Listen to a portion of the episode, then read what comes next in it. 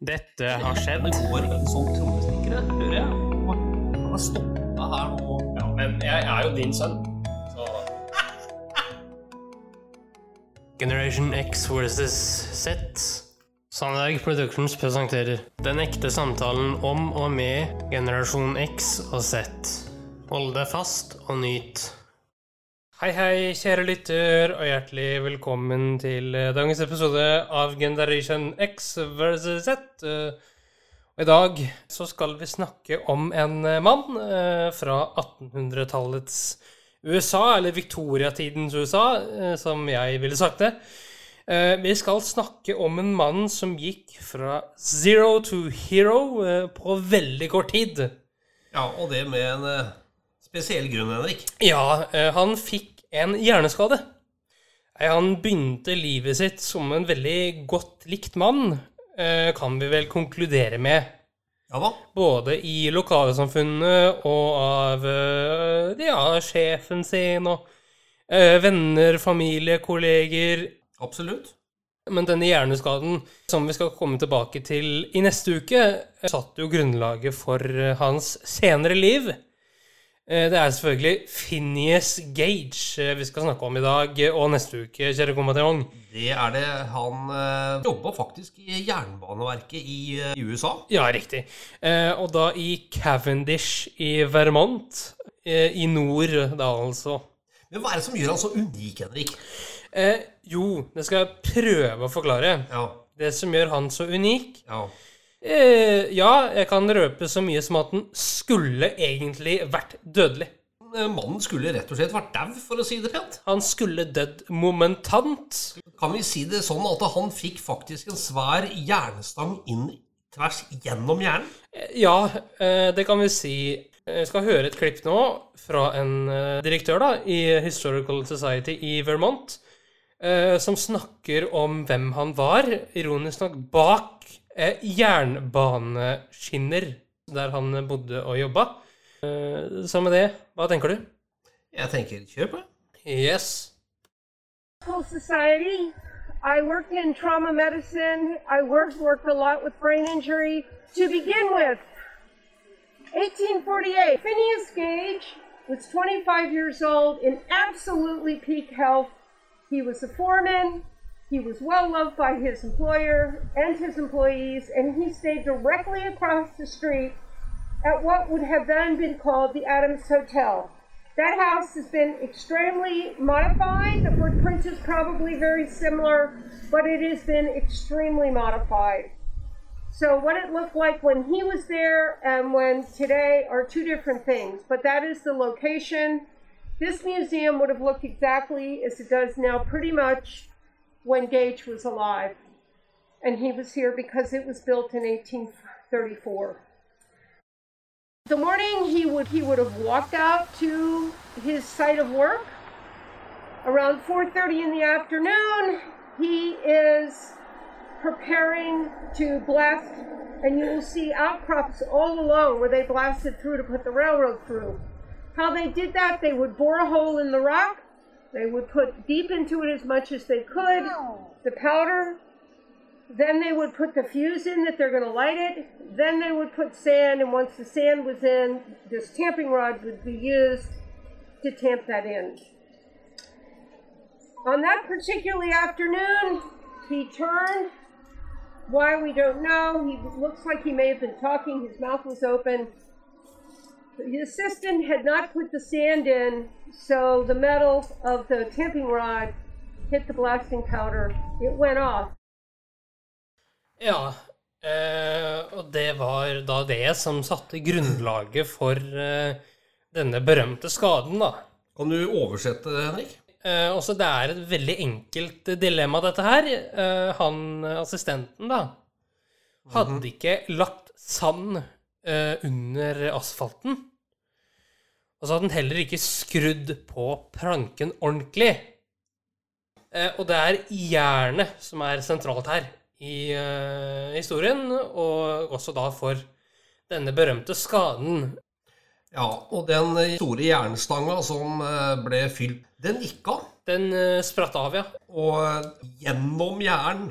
Da rev faktisk med seg en del av hjernen, altså. Ja. Men kan du bare si litt da om ja. tidsepoken for øvrig?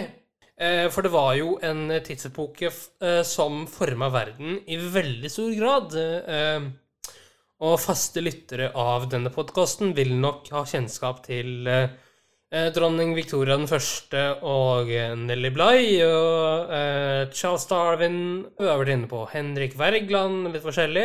Men det vi kom i dag, det er også noe vi har vært inne på i veldig stor grad. Det er Nelly Bligh.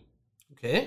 Hun holdt jo på med sitt arbeid for kvinners rettigheter. Eh, ikke bare det, men også for de psykisk syke. Ja.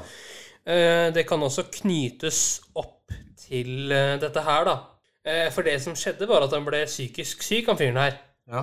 Han fikk rett og slett en personlighetsforstyrrelse som følge av det her, da. Og Nelly Bly var en kvinne som rett og slett infiltrerte et sinnssykehus på en øy utafor New York. Og da fant ut at oi, disse menneskene her er jo faktisk oppegående og normale. Ja. Uh, og skrev da en artikkel i en avis om det her. Uh, og det var da uh, undercover-journalistikkens mor, dette her, da. Det har vi diskutert i episode 84. Så hvis du vil vite mer om det, så gå tilbake til episode 84 og før mer om det der. Ja. men igjen så skal vi tilbake til Gage. Skal vi røpe såpass at Gage var antageligvis kanskje den mest kjente personen som man kunne forske på som overhodet overlevde. Eh, ja, og feltet var jo da innen neurovitenskap, eh, bare så det er sagt.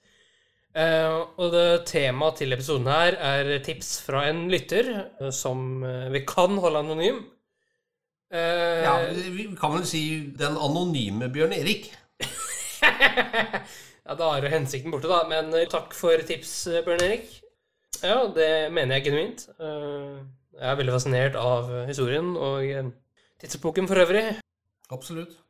Skal vi si at dette er selve innledningen til hovedgreia, som vi skal bare dypdykke og gi en mer fyldigere smak av Gates og hva han gikk igjennom?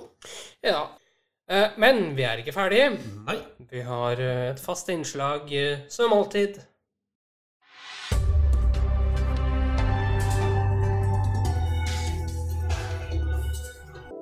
Ja, i dag så skal vi til noe du har vonde minner fra i mitt elskede NRK-hjørne. Snakker du til meg nå? Ja. Ja, ok. Jeg vil at du skal spole ca. 40 år tilbake i tid, kjære kompanjong. Aha, 40 år. Ja, det er min ungdom, det, da. Har du noe du husker fra din kjære ungdom? det er litt av hvert. Uh, ja, nå er jeg spent på hva du kommer med, Henrik. Vi skal til en saus. En saus? Ja. Ja vel? en spesifikk saus som er veldig vanlig i verdens hjem. Bearnéssaus? Feil. Hva er det for noe? Det venter vi på nå. Ok. Jeg så nevøen min en gang putte ketsjup på ris og kylling. Da på å drepe ham. Japp, jeg ble så sur. Da. Putter du ketsjup på noe? Ja, jeg gjør det faktisk. Selvfølgelig- Du er fra Kristiansand, selvfølgelig. Hva, hva er det du putter ketsjup på, bro? Nei, men du vet, dagen etter når maten er blitt litt sånn dårlig litt, Eller litt sånn, han smaker ikke like bra, det er litt tørt, så Ja. funker det å bare bruke litt ketsjup. Ja. Det, gjør- det gjør det litt bedre. Mm, mm, på hva da? Restemat på Hva slags, hva slags matrester, da? Jeg sier det til kebab. Jeg vil ikke ha dressing, bare gi meg ketsjup. På kebaben? Ja. Men dere, dere er sånn som elsker rømme og sånt på alt. Jeg klarer ikke det. Ja, JT, uh, fra nå av så uh, må vi ha jobbintervju hver gang vi skal ha fuckings vikar her, for det der skjer ikke. I'm back, baby! Oi, kom bort til alt. I'm, I'm back. Du lagde de ekle Det er når, når indere og pakiser spiser sterk mat hele livet, og så faen kjenner ikke en dritt av smaken når de er sånn 15-16 år gamle. Det har skjedd med deg med ketsjupsmak i munnen. Jeg har det som en kjærlighet. 100% Jeg kjenner ikke kjærlighet.